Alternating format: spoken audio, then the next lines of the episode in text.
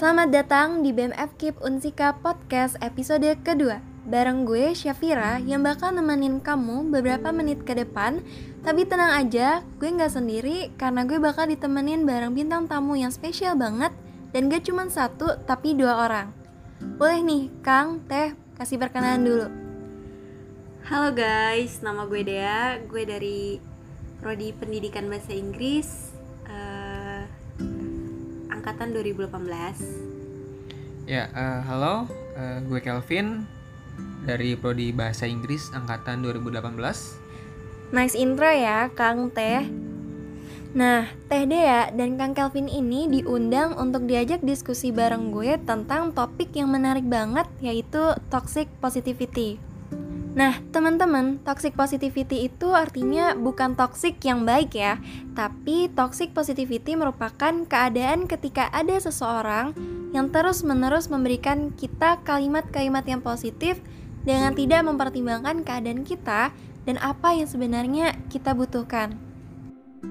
Lawan bicara kita ini juga tidak menerima bahwa meluapkan emosi-emosi negatif itu juga diperlukan dan malah memberikan masukan positif secara berlebihan.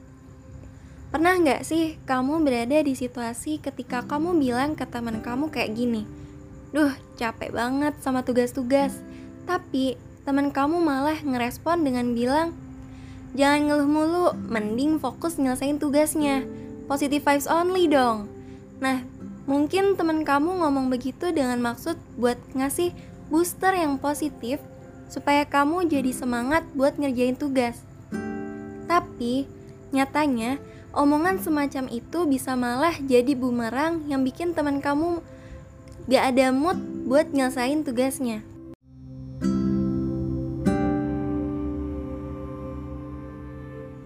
Kalau menurut Akang Tete, toxic positivity itu apa sih? Kalau menurut gue sih, toxic positivity itu adalah kritik positif dalam emosi negatif. Maksudnya itu adalah uh, situasi di mana seseorang yang merasa sedih dan mulai menyerah dalam hidup gitu. Ketika bercerita dengan temannya, tentunya temannya akan merespon dengan kata-kata positif dong. Contohnya kayak semangat ya, atau kamu nggak sendirian kok, kamu pasti bisa gitu. Tapi buat sebagian orang kata-kata yang diberikan itu membuat mereka uh, makin merasa berkecil hati bahkan uh, bisa memicu depresi kayak gitu. Bener banget Teh Dea, aku setuju kalau toxic positivity itu yang niatnya baik buat ngasih kata-kata semangat, motivasi, dan support ke orang lain tapi malah ngebikin lawan bicara kita itu terpuruk. Nah, kalau menurut Kang Kelvin, toxic positivity itu apa? Uh, jadi kalau menurut gue sih paling contohnya kayak uh, lu lagi ada masalah nih terus lu cerita ke teman lu dan temen lu ngasih saran. Sarannya tuh uh, malah bikin uh, apa namanya bikin lu sakit gitu loh. Jadi uh, tujuan dia baik tujuan dia pengen ngebangun semangat lu lagi. Cuman uh, dari cara penyampaian dia yang salah. Jadi uh, tidak ada empatinya gitu setuju banget Kang Kelvin.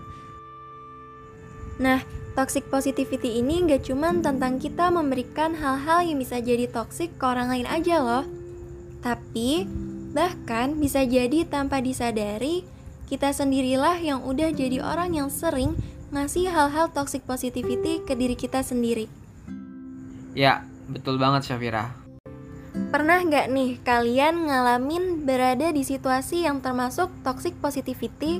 Mungkin bisa sebagai pelaku atau penerima.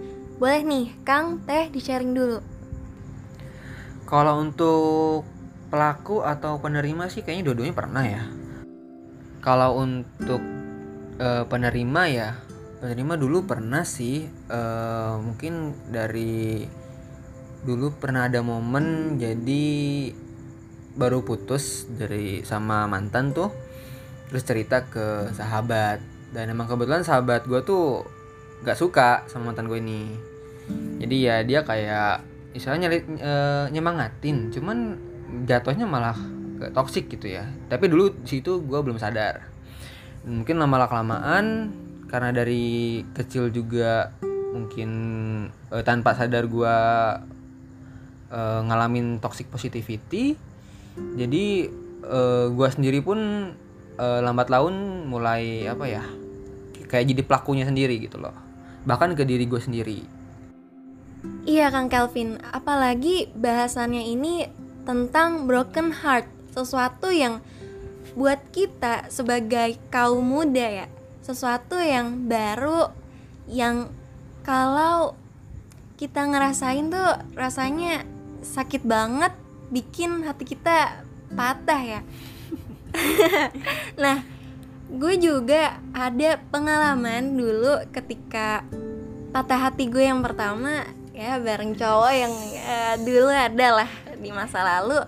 Gue curhat ke teman gue. Teman gue tuh malah bukan bikin gue healing sembuh malah bikin ngedown. Ngedown. Patah. Makin hatinya makin patah gitu ya. Makin emosi jadinya.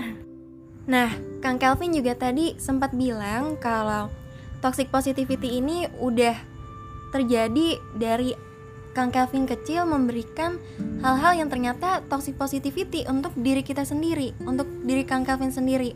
Oleh karena itu penting banget nih teman-teman untuk kita lebih aware tentang toxic positivity supaya kita bisa lebih berhati-hati dalam merespon orang lain dan juga supaya kita tidak menyakiti diri kita sendiri dengan pemikiran-pemikiran toksik yang berkedok positif.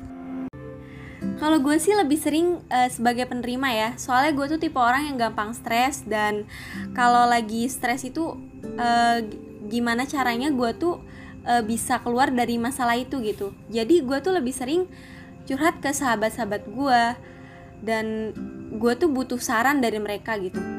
Tapi di saat gue cerita tentang masalah gue ini dan gue tuh pengen uh, apa ya dapat jalan keluarnya dari masalah gue ini. Tapi respon dari sahabat-sahabat gue itu uh, malah bikin gue tuh tambah down gitu. Gue berharap sahabat-sahabat gue itu bisa kasih saran-saran ke gue gitu. Dan bisa memberikan gue kesempatan untuk melampiaskan uh, semua negative feelings gue gitu. Dan setelah gue ngelampiasin semuanya seenggaknya um, beban gue itu berkurang gitu. Bener banget teh Dea. Nah oleh karena itu bakal sayang banget kalau kita nggak tahu dan nggak aware tentang toxic positivity ini. Seperti halnya teman teh Dea merespon dengan kalimat-kalimat yang kurang tepat dan malah memperburuk keadaan dan masalah yang Teh Dea punya. Nah, Kang Teh, ngomong-ngomong, kalau menurutku kita nggak bisa selalu menuntut diri kita untuk selalu baik-baik aja. Nggak apa-apa banget ketika kita jujur ke diri kita ataupun lawan bicara kita. Kalau kita sedang berada di kondisi yang nggak baik dengan segala negatif feelings yang sedang kita hadapi. Nggak apa-apa untuk bersedih, kecewa, dan terpuruk selama kita bisa memanage hal-hal tersebut dengan mengkomunikasikan hal seperti ini bakal ngebikin teman kita aware dan bisa menyesuaikan harus gimana baiknya ketika menghadapi diri kita di kondisi yang seperti itu. Dan sebaiknya kita juga bisa tanya ke teman kita tentang keadaannya supaya bisa menyesuaikan dan lebih memahami dia. Lalu gimana kalau respon teman kita yang malah lebih buruk setelah kita jujur terhadap perasaan kita. Sedih pastinya, kalau teman kita nggak bisa ngertiin kita, tapi seenggaknya kita tahu sebagai teman, kalau dia belum bisa berempati dengan keadaan kita, kesulitan kita, dan masalah yang sedang kita hadapi. Lalu, bagaimana sih seharusnya kita berperilaku ketika berada di situasi seperti itu? Mungkin lebih ke gimana sebaiknya kita merespon ketika lawan bicara kita ngomong hal-hal yang bisa jadi toxic positivity buat diri kita. Ya kalau buat gue sih ya ikutin aja alur ceritanya. Uh, diiyain aja dulu apa yang diomongin. Uh, ya paling buat guanya sendiri ya ambil baiknya buang buruknya. Yang menurut gue nyaman untuk diri gue sendiri ya gue terima yang nggak nyaman yang nggak gue terima dia. Mungkin dari gue sendiri juga yang kayak bodoh amat mungkin gitu. Iya Kang Kelvin, memang pada dasarnya setiap orang punya respon yang berbeda-beda ketika dihadapi dengan lawan bicara yang ngasih toxic positivity ke diri kita ya. Kayak contohnya Kang Kelvin, dia merespon dengan cuek, bodoh amat lah dengan perkataan-perkataan yang sebenarnya kurang tepat dan memperburuk keadaan Kang Kelvin itu ya. Nah, kalau Teh Dea gimana nih? Kalau menurut gue sih gue bakal jujur ya ke orang tersebut uh, karena respon yang dia kasih ke gue itu ya malah bikin gue tambah down gitu. Dan gue bakal uh, bakal bilang gitu, seharusnya lu kayak gini kayak gini loh, seharusnya lu kasih gue saran loh gitu. Kayak gitu sih. Benar Teh Dea, aku setuju kalau dengan kita jujur ke teman kita, berarti kita terbuka dan dengan mengkomunikasikan hal tersebut ke lawan bicara kita, kita bisa ngebuat teman kita ini sadar dan aware kalau perkataannya itu udah menyakiti kita dan supaya hal-hal seperti ini tuh tidak terulang lagi di dalam hubungan pertemanan tersebut. Selanjutnya, dengan adanya toxic positivity, apa berarti kita salah ketika memilih untuk memberikan hal-hal positif seperti layaknya masukan ke teman atau lingkungan kita? Well, kalau menurutku, memberikan masukan dan support ke orang lain dengan kalimat-kalimat yang positif gak selalu buruk dan jangan malah kita hindari. Karena pada dasarnya semua manusia butuh support dari orang lain Semuanya tergantung gimana kita membaca keadaan dan situasi yang sedang dihadapi lawan bicara kita. Nah, kalau menurut Teh Dea dan Kang Kelvin ini gimana? Kalau menurut gue sih nggak salah ya. Yang sebenarnya dibutuhkan itu bukan positivity tapi empati. Karena nggak semua orang itu butuh disemangatin saat mereka bercerita soal perasaannya gitu atau pengalaman buruknya. Padahal yang lagi dibutuhkan orang tersebut adalah empati kesempatan untuk didengar uh, dan dipahami gitu. Misalkan, tanyakan hal apa yang membuatnya ingin menyerah atau apa yang membuatnya begitu sedih gitu. Atau tertekan saat menghadapi teman yang sangat marah, coba mendengarkan cerita teman dahulu sebelum buru-buru menasehatinya. Nah, setelah teman sudah e, mencurahkan emosinya, baru deh kamu e, atau kita ya bisa memberikan pendapat dan masukan atau saran uh, untuk teman kita gitu. Kalau menurut gue sih gitu. Uh, menurut gue sih ya nggak salah sih, cuman uh, lebih ke mungkin perkataan kitanya aja kali ya yang lebih dijaga, uh, lebih kayak kita nyakitin perasaan dia nggak sih? Kayak mungkin uh, apa jawaban kita tuh harus mengandung empati gitu ya biar nggak e, nyakitin perasaan dia. Kayak contohnya e, ada apa? Ayo sini cerita gitu. Jadi biar mereka juga nyaman untuk ceritanya untuk meluapkan emosinya lebih enak. Benar banget Kang Kelvin. Dengan kita ngasih pertanyaan kayak gitu ke teman kita itu memberikan kesempatan buat teman kita ini cerita ke kita apa sih permasalahan yang sedang dia hadapi yuk berbagi ke kita uh, supaya kita bisa ngertiin dia dan ngeringanin beban-beban yang teman kita ini sedang hadapi. Nah, sebenarnya apa sih dampak yang bakal terjadi kalau kita melakukan atau mengatakan sesuatu hal yang ternyata menjadi toxic positivity buat lawan bicara kita? kalau buat gue sih jelas mungkin di diri kita sendirinya jadi nggak nyaman ya. E, perasaan kita jadi kayak ngerasa mungkin ya nggak enak aja gitu.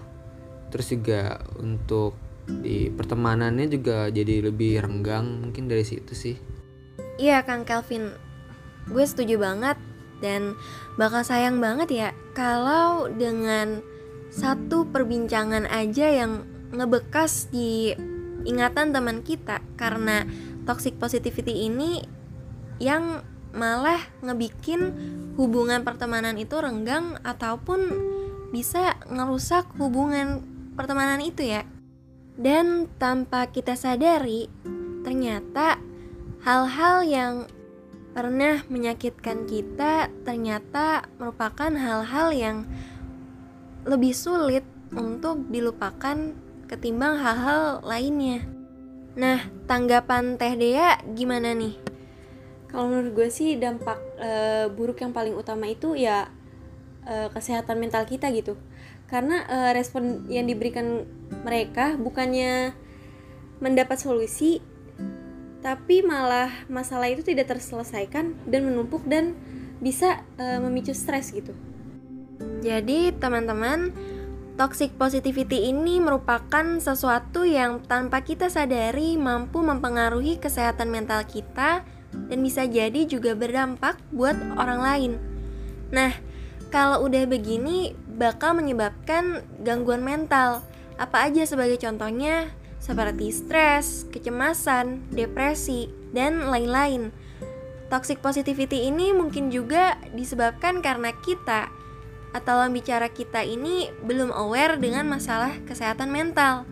Kita perlu mengakhiri apatis kita karena aware dengan hal seperti ini merupakan langkah yang baik untuk menyelamatkan diri kita maupun teman kita dari dampak terburuk dari kesehatan mental yang terganggu. Ada sedikit saran sih dari gua untuk uh, teman-teman yang mendengarkan podcast ini.